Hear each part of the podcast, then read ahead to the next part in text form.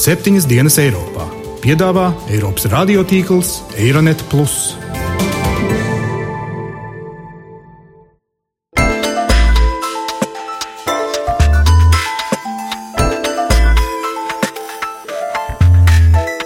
Šonadēļ septiņas dienas Eiropā dzirdēsim. Ir jānotiek brīnumam. Būs pieplūdums šim Latvijas kino. Ja nav kas ņemt, tad nav kam dot.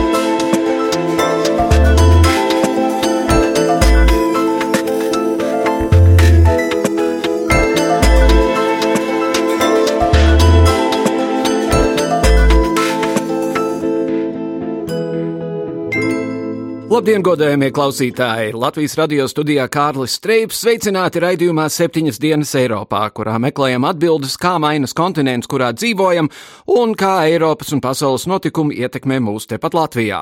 Šodien raidījumā par mākslu, bet arī par skarbu realitāti. Spriedīsim par Kannu kinofestivālu, kinotendencēm un par to, cik un kā kino māksla atspoguļo šobrīd Eiropā notiekošo. Uzzināsim arī, kāpēc visi ir laimīgi, ka Eirogrupa un Startautiskais valūtas fonds spēja vienoties un novērst kārtējo Grieķijas parādu krīzi, lai gan neviens nav līdz galam apmierināts ar vienošanās būtību. Vladimirs Putins arī viesojās Grieķijā pagājušajā nedēļā. Populārā grieķu laikrakstā Kathim Mereni viņš publicēja viedokļu rakstu, kurā sūdzējās, ka Eiropas Savienība apdraudot turpmākas Krievijas un Grieķijas attiecības. Citēju: Diemžēl attiecību pasliktināšanās starp Krieviju un Eiropas Savienību neļauj arī stiprināt Grieķijas un Krievijas sadarbību. Vēl Putins izcēla enerģētikas nozari un Eiropas komisijas it kā nekonstruktīvo nostāju South Stream projekta realizēšanā, kā piemēru tam, kā Eiropas un Krievijas domstarpības ietekmē Maskavas un Atēnu sadarbību. Krievija un Eiropas Savienība šobrīd atrodoties krustcelēs, tā raksta Putins, tomēr savstarpējās attiecībās vēl nesot tādu problēmu, ko nevarot atrisināt, ja abas puses gatavas respektēt otras viedokli un intereses. Toties spriežot pēc Eiropadomas priekšsēdētāja Donalda Tuska teiktā G7 samitā Japānā, Eiropas Savienība nav vēl gatava mīkstināt savu nostāju pret Krieviju. Tusks teica, ka ekonomiskās sankcijas, kas noteikts pēc Krimas aneksijas 2014. gadā, palikšot spēkā līdz Minskas vienošanās pilnīgai izpildīšanai. Bet šodien raidījumu sāksim ar Eiropas Savienības ķeršanos Google vērsim pie ragiem. Francijā finanšu policija veikusi reidu un slēgusi Google biroju Parīzē, cerot atrast lietišķus pierādījumus par interneta milžu izvairīšanos no nodokļu maksāšanas.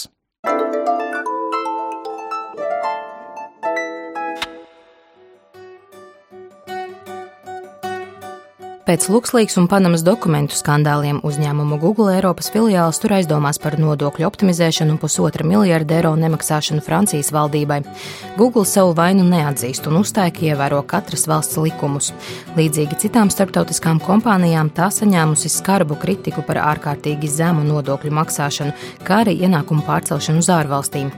Šādi optimizēt peļņu bijis iespējams pateicoties tam, ka uzņēmumu galvenais birojs atrodas īrijā. Tur, salīdzinot ar pārējo Eiropu, Eiropu un ASV uzņēmumu ienākumu nodoklis ir minimāls, stāsta IT drošības speciālists Fabris Epelboans. There aren't any multinational corporation working in France paying some decent taxes in France. Francijā nav nevienas starptautiskas kompānijas, kas valdībai maksātu adekvātus nodokļus. Tāda tendence ir vērojama arī kopumā Eiropas Savienībā. Ja kompānija ir ar milzīgu starptautisku klātbūtni, tai Eiropā nav jāmaksā nodokļi. Nodokļus maksā tikai parasti pilsoņi un vidējā izmēra uzņēmumi. Tiklīdz uzņēmums ir ievērojami audzis, nostiprinājies vairākās pasaules valstīs, nodokļi netiek maksāti un likums netiek ievērots. Eiropas kompānijām ārzemēs nodarboties ar bērnu verdzību, lai gūtu lielāku peļņu, ir pilnīgi legāli. Tādā gadījumā, kāpēc tām vēl maksāt nodokļus? No tā var izvairīties, un tas ir pat ļoti vienkārši. Jebkura kompānija tā dara, un Google nav nekāds izņēmums. Tādēļ ar pirkstu norādīt tieši uz Google ir burvīgs veids, lai pierādītu to, ka Francijas valdība mēģina vērsties pret nodokļu nemaksāšanu. Patiesībā tas ir tikai šovs but basically it's just a show. Pēc Parīzes biroja kratīšanas visticamāk ir gaidāmi līdzīgi pasākumi arī citās dalību valstīs. Jau ziņots, ka Eiropas komisija gada sākumā ierosinājusi nodokļu reformas, kas paredz starptautiskām kompānijām publiskot ienākumu datus. To apstiprināšanas gadījumā būtu iespējama varas iestāžu sadarbība kontinenta mērogā, un pēc finanšu komisāra Pjēra Moskovičī vārdiem nodokļu nemaksātāju dienas būtu skaitītas. Pagājušajā nedēļā Eirogrupas finanšu ministri panāca neviennozīmīgu vienošanos par daļu Grieķijas parādu restruktūrizēšanu. Grieķijai arī aizdos vēl naudu, lai tā varētu šovasar sekt parādu maksājumus. Startautiskais valūtas fonds un Vācija abas piekāpās, lai gan pirms tikšanās katra skaļi sludināja savu krasi atšķirīgo viedokli par turpmāko parādu apkalpošanas gaitu. Uz mirkli atkal būs miers, tomēr nepatīkamais fakts, ka diez vai bez parādu norakstīšanas Grieķija spēs jau kādu nomaksāt parādu, kas šobrīd jau sastāv 210% no tās IKP, tika atkal ignorēts. Smago lēmumu pieņemšana atlikta uz nenoteiktu nākotni. Vairāk par to, vai Grieķijas kreditori tiešām nevēlas skatīties patiesībai acīs, mana kolēģe Jāņa Kropa sižetā.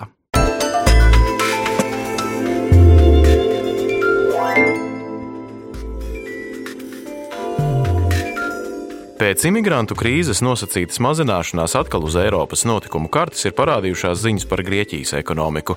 Kamēr Grieķiju pārpludināja bēgļi, ekonomika jau tāpat vien ir cīnījusies par kaut nelielu izaugsmi un nekas diži mainījies nav. Starptautiskais valūtas fonds ir jau ilgstoši brīdinājis, ka Grieķija nespēja izpildīt prasības parādā došanai. Valsts ekonomika vienkārši neuzrāda nevienu pazīmi, kas varētu liecināt, ka parāda iekasēšana būtu vispār iespējama, kā piemēram Grieķijas ekonomisko stāvokli raksturoja ekonomikas ekonomists Vangelis Agapitos, Grieķijai trūkst pagrieziena punkta, kas varētu sākt vest uz izaugsmi. The debt is a very big drag on the economy at the moment. The Greek economy is sick. Parāds šobrīd ir kā akmens pie mūsu slīkstošās ekonomikas kājām. Grieķijas ekonomika ir slima, tai nepieciešama visa iespējamā solidaritāte, lai iesāktu lēcienu. Vajag apturēt to ekonomikas krituma spirāli, kas ir iznīcinoša. Mums nepieciešams panākt, ka kritums ir vadāms, tikai tā to var apturēt. Mērķis ir panākt, ka darba vietas, ekonomiskais pieaugums palīdz celt pensiju sistēmu un sociālās garantijas. Protams, Kamēr politiskās attiecības ir nokaitētas, izlīgumu panākt ir grūti. Parādu norakstīšana ir veids, kā ātrāk tikt atpakaļ uz ceļa, bet šobrīd prasīt milzīgu naudu parādu samazināšanu būtu par daudz. Pagājušās nedēļas Eirogrupas sanāksmi nedaudz interesantāku padarīja stīvēšanās starp Starptautisko valūtas fondu un Eiropas Savienības dalību valstīm un bloku institūcijām. ASV dominētais valūtas fonds atklāti brīdināja, ka pieturēšanās pie esošās parāda došanas programmas neko nedos. Grieķijas parāds tikai turpina augt, un jau līdz 2060. gadam tas varētu sasniegt pat 250% no iekšzemes koprodukta, kas ir par 70% vairāk nekā parāds ir šobrīd. Tātad ideja nosist pussprāgušu pašu zirgu ar vāli īsti loģiska nav. Praktiski tā nozīmētu parādu norakstīšanu pilnā apmērā, jo nebūs jau no kā to parādu iekasēt. To, ka šajā gadījumā ir grūti nošķirt ekonomiku no politikas, uzsver akadēmiķa Raita Karnīte. Viņa uzskata, ka iemesls jāsgāja ap Grieķiju ir pārāk lielā ietekme uz visas Eiropas savstarpējām attiecībām. Nu, grūti nošķirt šajā gadījumā politiku no ekonomikas, tāpēc ka Grieķija ir liela valsts ar pietiekoši karstu sabiedrību, un tās ekonomiskās grūtības var radīt politiskas problēmas, un visiem ir savstarpēji saistīts, un saistībā ar šo Lielbritānijas um, referendumu tās politiskās problēmas var kļūt tādas tīri vai Eiropas mēroga, un tāpēc arī ir tik liela uzmanība tam, tam parādam. Un tas ir viens, un otrs vēl ir arī finansiāli liela mēroga, globāla mēroga problēmas, ka nu, starptautiskās organizācijas tomēr arī grib pierādīt savu varēšanu, un, un tā viņu varēšana ir kredīt došana, un ja nav kas ņemt, tad nav kam dot. Un tas arī ir viens tāds varbūt ļoti praktisks un tāds varbūt vulgārs pāris iemesls, bet viņš tomēr pastāv. To, ka Startautiskajam valūtas fondam arī vajag uzturēt nepieciešamību izsniegt kredītus, apstiprina kaut vai organizācijas mērķi. Ja pēkšņi neviena valsts neaizņemtos naudu, tad nebūtu diža jēga arī no aizdevējiem. Otra lieta - Startautiskais valūtas fonds stāv nedaudz tālāk no Eiropas politikas katla, kuru smagi ietekmē gaidāmais Lielbritānijas referendums jūnijā un arī Vācijas vēlēšanas, kurām jānotiek jau nākamā gada rudenī. To, ka nav iedomājama tālāka Grieķijas ekonomikas glābšana bez Startautiskā valūtas fonda, to žurnālā žurnālistiem apstiprināja arī Eirogrupas prezidents Jeruns Deiselblūms. Starptautiskais valūtas fonds ir ļoti pieredzējis vadot dažādas programmas. Fonds ir ļoti precīzi savā analīzē, izvērtējot Grieķijas ekonomiku un arī to, kā valsts pilda savas saistības. Tāpēc arī ir ļoti svarīgi, lai Startautiskais valūtas fonds būtu ar mums vienā komandā. Nav variantu turpināt bez Startautiskā valūtas fonda. Valūtas fonda ietekmi Grieķijas parādu krīzes risinājumā uzsver arī Raita Karnīte. Diemžēl, bet Eiropas pozīcijas lielā mērā ietekmē atsevišķu valstu politika. Situācija ir tāda, ka no diviem aizdevējiem tas, kurš kārto lietas, ir valūtas fonds, un šis lielākais aizdevējs ir teicis, ka Grieķijas parāds ir jāpārstruktūrē, jo Grieķija nav spējīga atdot uh, Uh, šo parādu tādā kārtībā, kādā tas bija iepriekš paredzēts. Turpretī Eiropas Savienība nevēlas pat šo, viņi vēlas uh, turpināt šo ļoti stingro nu, atsevišķas valsts vēlas turpināt šo ļoti stingro taupības politiku un uh, nepieļaut nekādas izmaiņas. Un tas nozīmē, ka jau pašu aizdevēju uh, starpā ir nedaudz um, nesaskaņa, ko tad īsti viņi vēlas. Uh, Otrakārt, nesaskaņa ir pašu Eiropas Savienības valstu starpā, jo dažas valstis ir pielaidīgākas un dažas valstis ir ļoti prasīgas pret uh, šo parāda nosacījumu izpildi. Panāktā Eirogrupas vienošanās paredz, ka Grieķijas parādu varētu atvieglot, bet ne ātrāk par 2018. gadu. Iemesls, protams, ir politisks. Var jau sprāgāt, ka Grieķu ballīte ir beigusies, bet Raita Karnīte tomēr uzsver, ka globālā ekonomika ir nonākusi jaunā vēsturiskā nogriezienī, gluži kā 1929. gada krīze vai zelta standarta laiks, vai arī Rūzvelta jaunie darījumi, arī tagad ir jāmeklē jaunas ekonomikas teorijas. Krīze parāda, ka taupība vien nav zāles, naudas iepludināšana arī nelīdz tā tad ir jāatrod zelta vidusceļš, kā izlietot iepludināto naudu reālām vajadzībām. Nav tālu jāmeklē problēmu cēloņi, kaut vai Eiropas Savienības fondu līdzekļi, par kuriem būvē ceļus. Ja nav ražošanas, tad neviens pa šiem jaunajiem ceļiem nebrauks. Savukārt Grieķijas gadījumā agri vai vēlu, bet tai būs jāsniedz solidāra palīdzības roka. Rādītāji apliecina, ka valsts netiek ārā no purva ar naudas iepludināšanu, tāpēc ka šī nauda aiziet nestruktūrālām reformām. Savukārt Vācijas ekonomikas fenomens māca vēl kādu patiesību. Viena valsts, kas ir pārāk ekonomiski spēcīga, atņem spēku apkārtējām valstīm. Savā ziņā Vācija ir radījusi spriedzi Eiropā starp tām valstīm, kuras vienkārši netiek līdzi Vācijas apjomiem. Jo spēcīgāka kļūst Vācija, jo vairāk tai būs jāiegūda kaimiņu drošībā. Savukārt vielu pārdomām par grieķu ballīti rada kāda statistiska diagrama par parāda apjomu uz vienu iedzīvotāju Eiropā.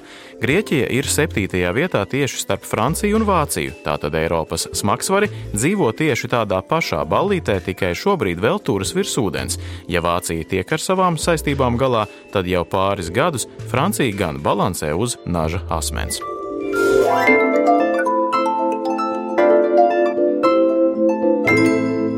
Pēc zelta laura plūkšanas Kannās ap jaunāko filmu Es Daniels Blakes, britu režisors Kens Laučs teica, ka viņa prāta Eiropas Savienība vainīga pie miljoniem cilvēku grūtībām un nabadzības, kā piemēram minot to, kas šobrīd tiek pazemoti Grieķijas iedzīvotāji. Lai spriestu par to, cik šobrīd kino māksla atspoguļo realitāti un par šī brīža Eiropas un Latviešu kino tendencēm, pie mums studijā Nacionālā kinocentra vadītāja Dita Rietuma Labdien. Labdien. un Rīgas starptautiskā kinofestivāla radošā direktora Sonora Broka. Labdien. Labdien. Rīgas festivāls droši vien negluži tik liels kā Kannas. Nu, es domāju, nē. Sāksim ar to, Dita, cik liela bija Latvijas klātbūtne šogad Kannās? Ja Latvijas klātbūtne bija institucionāla, teiksim tā, lai mēs uzreiz novilktu tādas ļoti precīzas robežas un lai mēs atkal neslimotu ar to mūsu, mums tipisko kaiti, ka mēs esam lieli vareni un mums nevienu nevajag, jā, tad būsim ļoti precīzi, ka uh, Kannās Latvija bija ar savu stendu, piedalījās Kanu kinotirgu, bet Kanu oficiālajā festivālā Latvija nepiedalījās, uh, jo neviena no Latvijas filmām šim festivālam nekvalificējās. Bet nu, tas attiecās uz ļoti daudzu arī citu valstu filmām. Jā. Kam, kam, kam ir jānotiek, lai filma kvalificētos lielajai skatei? Uh, ir jānotiek brīnumam un ir jānotiek tam, ka šī uh, Kānu kinofestivāla vadība, būtībā tie ir divi cilvēki, plus vēl samērā anonīmi strādājoši atlases speciālisti, filmu atlases speciālisti, izraudzītos konkrēti konkrēto filmu oficiālajai skatē. Oficiālā skatē ir apmēram 40 filmas. Tātad iedomājieties no visām tām, no tiem filmu tūkstošiem, ko uz gadu laikā saražo uz planētas Zeme. Kannās oficiālā skatē, tātad divos konkursos pamatkonkursā, lielajā konkursā, kur arī piešķir šo iekāroto zelta palmas zaru un citas balvas, un otrā konkursā, kas saucās Seven Regards, atvainojos par savu nēsošo franču valodu, vai tulkojumā tas ir īpašais skatiens, tas ir otrais konkurss, un tur arī ik gadu piedalās apmēram 20 filmu. Tātad tā ir tā oficiālā izlase, kas sacenšās. Ir vēl arī citas marginālas skates, bet pamats ir apmēram 40 filmas. Mm -hmm. ja, ja es saprotu, viens, kas man ir tiešām interesants, divas lietas par kādām šogad, kas ir ļoti interesants. Pirmā ir tā filma, ko ar Džonu Malkoviču uztaisīja. Uztaisīja un ielika seifā uz simts gadiem. Kāda bija reakcija uz to? Tas ir kaut kāds uh, margināls, uh, margināls fakts, kas absolūti neskāra Kānu festivāla oficiālās norises. Mm -hmm. Viņš arī laikam tika ierakts zemē, tas fakts. Tas fakts, tā ir tāda, ir. Tā, tā ir tāda atrakcija, kas uz dzīvi neatiecās. Jā, katrā gadījumā ne uz tiem, kas pat labāk ir dzīvi. Bet otra lieta ir, ja es pareizi saprotu, Renārs Vimba tur bija ar Es esmu mājās. Renārs Vimba tur nebija, tur bija tikai filma, kas tika rādīta tirgus seansā. Tirgus seansā tiek rādītas filmas, jā, filmas izrādītāji, izplatītāji nopērk iespēju šo filmu tur parādīt. Tātad tas ir maksas seans, nepārspīlēsim mūsu klātbūtnes faktu. Mēs jaucam mērogus, mēs jaucam mērogus, un mēs to darām konsekventi, un es nevaru saprast, kāpēc mēs tā darām, vai tāpēc, ka mums, jo mums gribās, mēs, mēs gribam, gribam lai, lai arī mūsu cilvēki. Laila Pakalniņa vienreiz dabūja filmu skatē, mēs gribam vēl un vēl. Laila Pakalniņa Pakalniņa bija trīs reizes filmu skatē, un Jurģim Krāsonam bija vienreiz, un tātad mēs esam četras reizes uh, bijuši šajā oficiālajā izlasē pēdējo reizi pirms uh, Tātad 2010. gadā bija mm -hmm. Jurģa Krāsona animācijas īsfilma Norīt Krupi. Nu, vairāk turpinājums nav sekojis. Nav sekojis. Bet vai ir zināms, kā no jēdziena es esmu mājās angļu valodā nonāca līdz jēdzienam mellow mud, kas nozīmē maigi dubļi? Tātad tā ir filmas producentu konsekventa izvēle.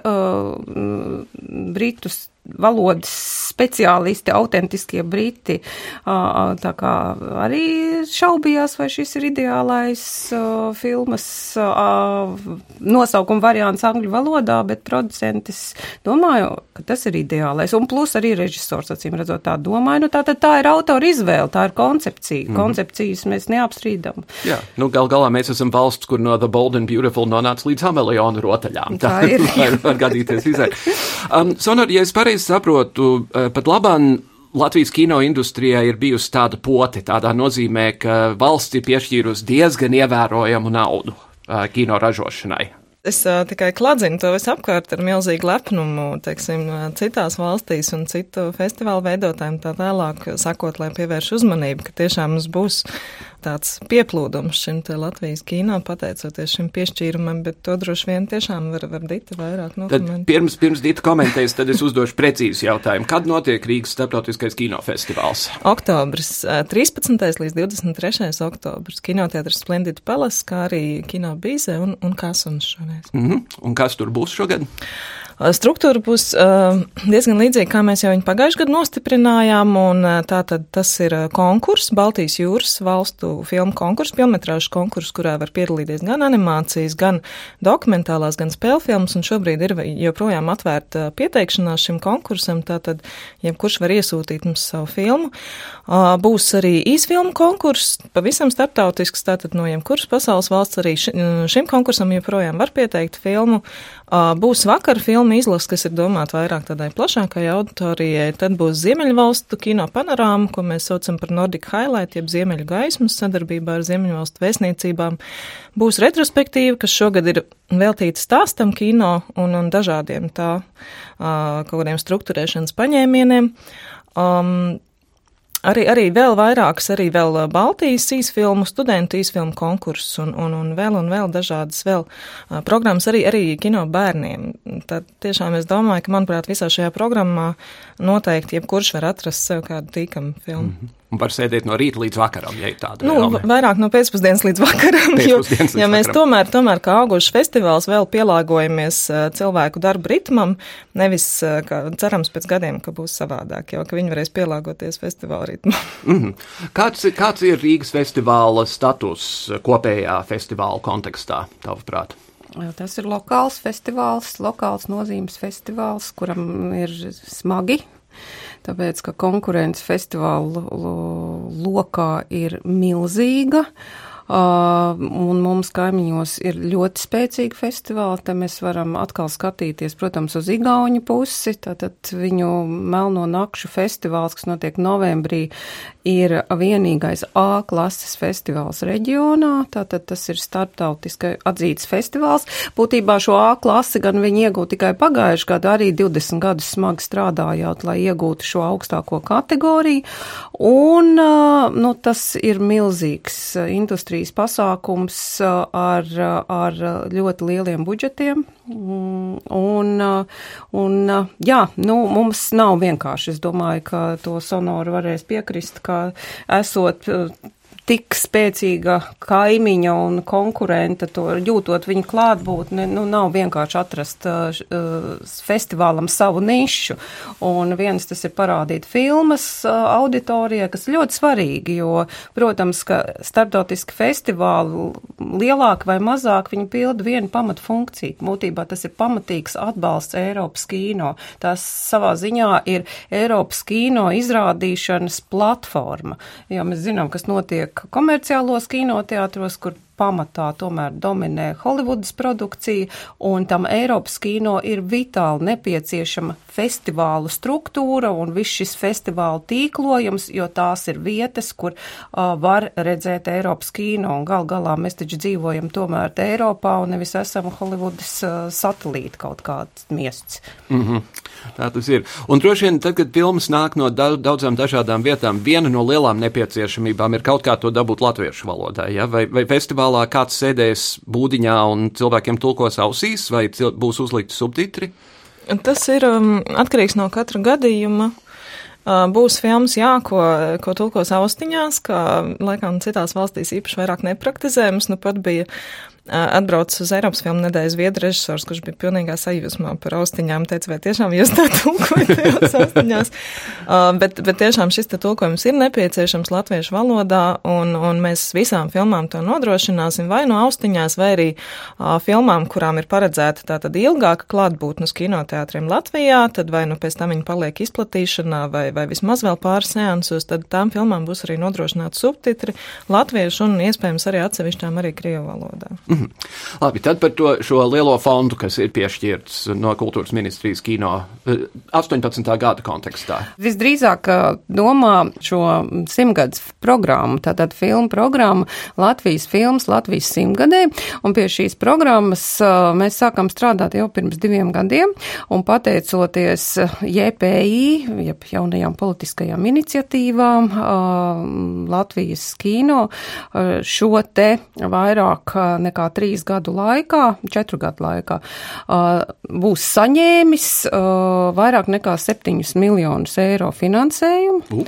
Mēs esam palaiduši ražošanā 16 filmetrāžas filmas, 6 no tām ir spēļu filmas, divas ir filmetrāžas animācijas filmas un 8 ir filmetrāžas dokumentālās filmas, daudzas no tām ir arī ar spēles filmas elementiem. O šīs, šo filmu filmu mm, tas pamatmērķis ir sasniegt maksimāli plašu auditoriju. Tā, tās nav filmas izsmalcināt autorības meklējumi vai sarežģīti eksperimenti. Nē, tāds nebija uzstādījums. Tās ir filmas, kas ir paredzētas ļoti plašai auditorijai. Daļa no šīm filmām ir paredzēts arī bērnu un jauniešu auditorijai. Un, protams, šī latviskā identitāte, vēstures tēma bija klātesoša izraugot šo filmu projektus. Un filmu projektus izraudzīja ļoti kompetenta žūrija žūrija vai komisija, tad Māra Zālīte, Jānis Strečs, Pēters Krilovs, Lolita Ritmanis, kur dzīvo un strādā Losandželosā, Viktors Freibergs un vēl citi arī ļoti cienījami cilvēki. Tā kā, jā, tas ir Latvijas kino milzīgs izaicinājums. Bet, bet arī milzīga iespēja. Un trīs, teiksim, spēļu filmas, kas, kas ir gaidāmas šajā programmā, tiek filmēts jau šovasar. Varis Brāsli jau aktīvi rosās. Viņa filma arī būs pirmā, kur atklās šo simtgadus filmu programmu, tas notiks nevis 2018. gadā, ja, bet jau 2017. gada rudenī. Un tā tad, nu, tā nav bijis nekad kopš, Jā. kopš 90. gada sākuma. Tā nav bijis nekad. Uh, ir jātur rīkšķi, ir jādara viss, lai, nu, lai, lai viss notiktu, lai viss būtu labi, lai šīs filmas būtu veiksmīgas, lai skatītāji tās skatītos un, un, un tā visas filmas par vēsturiskām tēmām? Um, ši, tātad es, kā es teicu, šī, vēstu, šī vēstures klātbūtne ir, bet, bet tas nenozīmē, ka tās ir vēsturiskās filmas. Tātad, piemēram, tātad, tad, kad tika atlasīti šie projekti, tas notika vairākās kārtās, tur bija ļoti daudz uh, projektu pieteikumu, šie projekti tika, tā, tika arī attīstīti, un tur bija uh, tātad žanriskā skāla iezīmēta. Tātad bija paredzēts, ka ir filma bērnu auditorijā, ir filma jaunatnes auditorija, ir literatūras ekranizācija, piemēram, uh, tiek ekranizēta uh, Vizmas Belševicas Bille. Tā ir otrā no šīm, no tām filmām, kas tiks filmētas šovasar. Uh, ir vēsturiska filma, piemēram, filma Paradīze 89. Tā ir trešā filma, kas tiek filmēta šovasar jauna režisore. Uh, filmē uh, Mar, uh, Madara Dišlēra, jā, es atvainojos, uh, filmē šo filmu par 1989. gadu no jauna, no ļoti jauna cilvēka skatu punkta. Tātad tas brīdis, kad viss mainās, uh, kad mainās šīs, uh, šīs pasaules, šīs sociālās iekārtas, uh, sociālpolitiskās iekārtas, tā, tad, nu, tā, tāds ir tas vēstures rāmējums šai filmai. Un, un tā, tā būs dokumentāla filma. Nē, atceroties. tā būs spēle filma. filma. Tā Oi. ir spēle filma. Jā. Ja trīs uzreiz vai vispār pietiek aktieru un aktrišu? Mm, nu, dara visu, lai tā no. Nē, nu, ne, nu, tik traki jau nav. Jau tiek šovasar tiek filmēts ne tikai trīs filmas, tiek filmēts uh, Andrejs Ēķis gatavojās filmēt Namei Gredzenu. Uh, ir jāsāk arī, uh, arī uh, tāda sagatavošanas darbi ir arī citām filmēšanām, tātad tiek paralēli arī filmēts dokumentālās filmas, tā kā tas, nu, teiksim tā, Latvijas kino cilvēki šos gadus būs ārkārtīgi noslogoti mm. un ir jau noslogoti. Un es pieļauju, Rīgas festivāls priecāsies, ka būs ļoti daudz latviešu filmu pēkšņi, kas var piedalīties festivālā. Jā, noteikti, jo es arī pirmīt nepieminēju, mums arī ir sava Latvijas latviešu fi filmu izlase, ko mēs arī rādam festivālā, jo pateicoties tam, ka mums ir iespēja uzaicināt dažādus arī starptautiskos gan festivālu pārstāvis, gan, gan vēl dažādus kino profesionāļus, tad tā ir tā iespēja, kurā mēs viņiem varam koncentrētā veidā uz vietas arī parādīt šīs latviešu filmas. Un, un ja kāda no šīm latviešu filmām arī iekļūst vēl starptautiskajā konkursā, tad viņas arī vērtē starptautisku žūriju. Mm -hmm. Un, un, un arī katalogs mums palīdz aiznest tālāk to vārdu, ka mēs ļoti priecājamies kaut vai par to mazo nieku, ko mēs varam uh, dot latviešu kino kaut kādai aiznešanai tālāk. Nu jā. Katru gadu ir cilvēki, kas specifiski gatavo filmas Rīgas festivālam. Nu, nē, tik, tik, tik, tik specifiski. Tik, tik krāšņi vēl nav, bet, bet, bet ir producenti, kas interesējās, vai filmu pirmizrādes var notikt pie mums festivālā, un jau šogad arī mums būs vairāki šādi te notikumi, jo tomēr tas festivāls varbūt piedod vēl kaut kādu mazliet skanējumu. Tā filmas pirmizrādē īpaši, ja tā ir dokumentālā filma, tad, tad tas ir kaut kāds vairāk tāda pasākuma sajūta šeit nu, jā. pirmizrādē. Jā. Dita, tu esi optimistiska par to, kas pat labam notiek kvalitātes ziņā, un es to jautāju no tā viedokļa, ka tās pāris trīs ļoti spožās, dārgās vēsturiskās filmas, kas mums ir bijušas, ir bijušas visai neviennozīmīgi vērtējamas, gan no vēsturiskā viedokļa, gan tā, tā un tā tālāk. Uh, bet uh, par, par kurām filmām? Par baigo gadu. Par Uh, nu, es kā valsts amatpersonu un ierēdi neizteikšos par latviešu filmu kvalitāti pagātnes diskursā. Jā, bet tomēr es, es pārfrāzēšu jautājumu drusciņu. Mēs esam pieraduši pie tā, ka kino režisori mums ir tāds diezgan ierobežots skaits. Laikam mm -hmm. tagad, tagad tā lieta notiek plašāk un acīm redzot, kāds māca cilvēkiem, kā būt kino režisoriem. Uh, mā, mācīt māca gan, gan kultūras akadēmijā, gan arī maksas augstskolās, uh, bet, bet ar, ar to izglītību, ja vien ir par maz, protams, ir nepieciešams, nu, es runāšu te banalitātes, talants un iespēja strādāt. Un jāsaka, ka pamazām tas nu, visai noslēgtais režisoru loks tomēr paplašinās, jo arī, ja mēs atgriežamies pie tās simtgades filmu programmas, ir vairāki debitanti. Ir vairāk debitanti, tā pati Madara Dišlera ar filmu Paradīze 89, viņai ir bijušas tikai īsfilms, viņa ir diplomēta režisora, kas mācīsies kultūras akadēmijā, bet, nu, tā ir viņas filmetrāžas debija.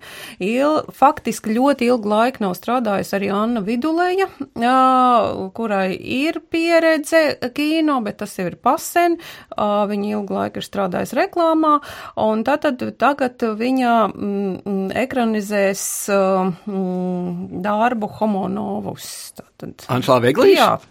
Tā, tā ir vēl viena no, tā ir vēl viena no simtgadus filmām. Tā ir viena no manām mīļākajām nu, grāmatām. nu, redz, tā tad Anna Vidulēja e ekranizēs Anšlā Veglīša Homo Novus, tātad tā ir tā ceturtā uh, simtgadus spēle filma, un tad ir jautājums, nu, vai tad tās viss ir vēsturisks filmas. No vienas puses jā, un no otras puses tā filmā ir daudz citu vērtību, mm -hmm. ne tikai vēstures fons, tātad 20. 30. gadi uh, Latvija, vēsture, mākslinieku bohēma mākslas vēsture, mīlestība, nu, tur ir tāds žanriskais Jā. mikslis, un to nevar salīdzināt ne ar baigu vasaru, ne ar kādām citām no tām tevis pieminētajām filmām. Lielais dušīgais Kaspars jau ir aizrunāts un spēlēt salutauru. Uh, starp citu, uh, var, uh, ja jūs attaisīsiet uh, portālu filmas, mm. filmas.lv, uh, filmas.lv, tur ir visu šo simtgades filmu rullīši vai tīzeri. Ah. Un tur var apskatīties arī akti aktierus, eh, kas uh, visdrīzāk arī spēlē šīs lomas, jo tad, tad uz konkursu pēdējo kārtu visiem projektiem vajadzēja sagatavot arī rullīšus, jau uzfilmēt mm -hmm. tādu mazu vizuālu materiālu. Ja tas, es domāju, ka tas ir interesanti. Paskatieties, tur jo. tiešām ir visādas spožas idejas un, un interesantas sejas. Filmas.lv. Jā, tas ir Nacionālā kino centra administrēts portāls kultūra sadarbībā ar kultūras informācijas sistēmu centru, tā arī tas ir kultūras ministrijas. Um, pakļautībā šī iestāde ir, un šajā portālā var noskatīties bez maksas, pilnīgi mm -hmm. legāli, tieši saitē, ne tikai šos filmu rullīšus, bet var noskatīties 109 latviešu filmas. Uh. Nu, re, filmas.lv ar šo ļoti priecīgo ziņu mēs arī beigsim mūsu raidījumu šodien. Dita Rietum un Sonora Broka, paldies jums abām paldies. par sarunu. Meliem īsas kājas, tā mūsu septiņas dienas Eiropā vecmāmiņas bieži vien mums teikušas. Jau vairākus mēnešus Francijā ik pa brīdim notiek protesti pret darba tirgus reformām, kas tostarp ļautu darba devējiem vieglāk atlaist darbiniekus.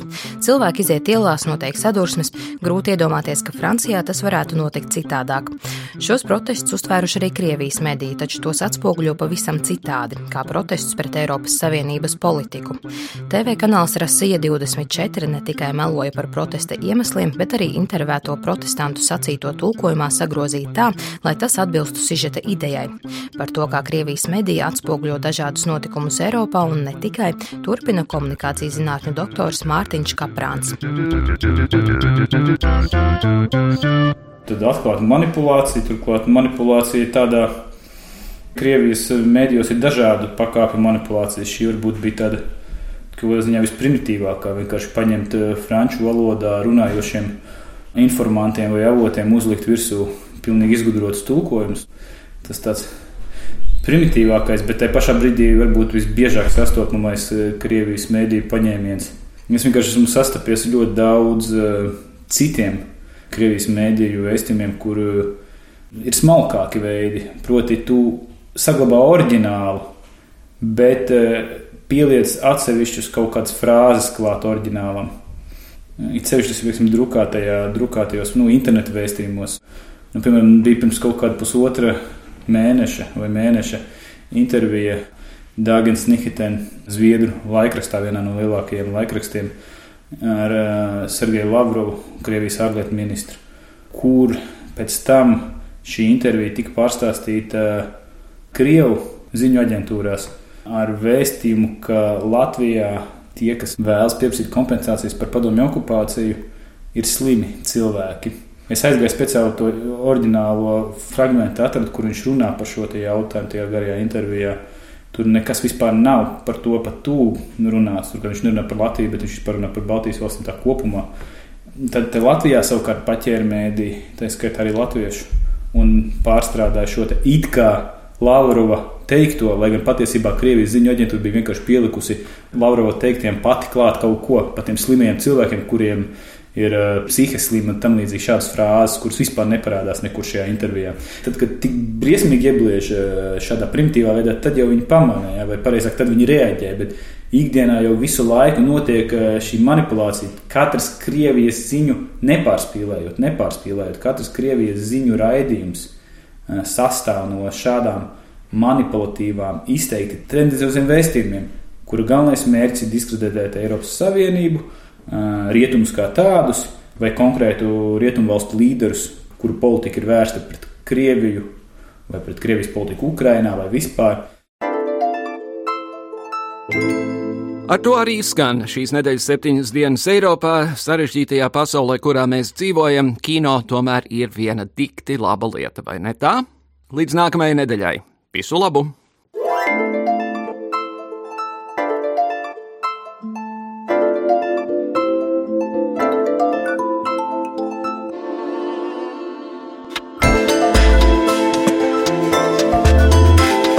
Raidījumu veido Kārlis Streips, Ieva Valēne un Jānis Krops. Raidījuma producents Lukas Rozītis.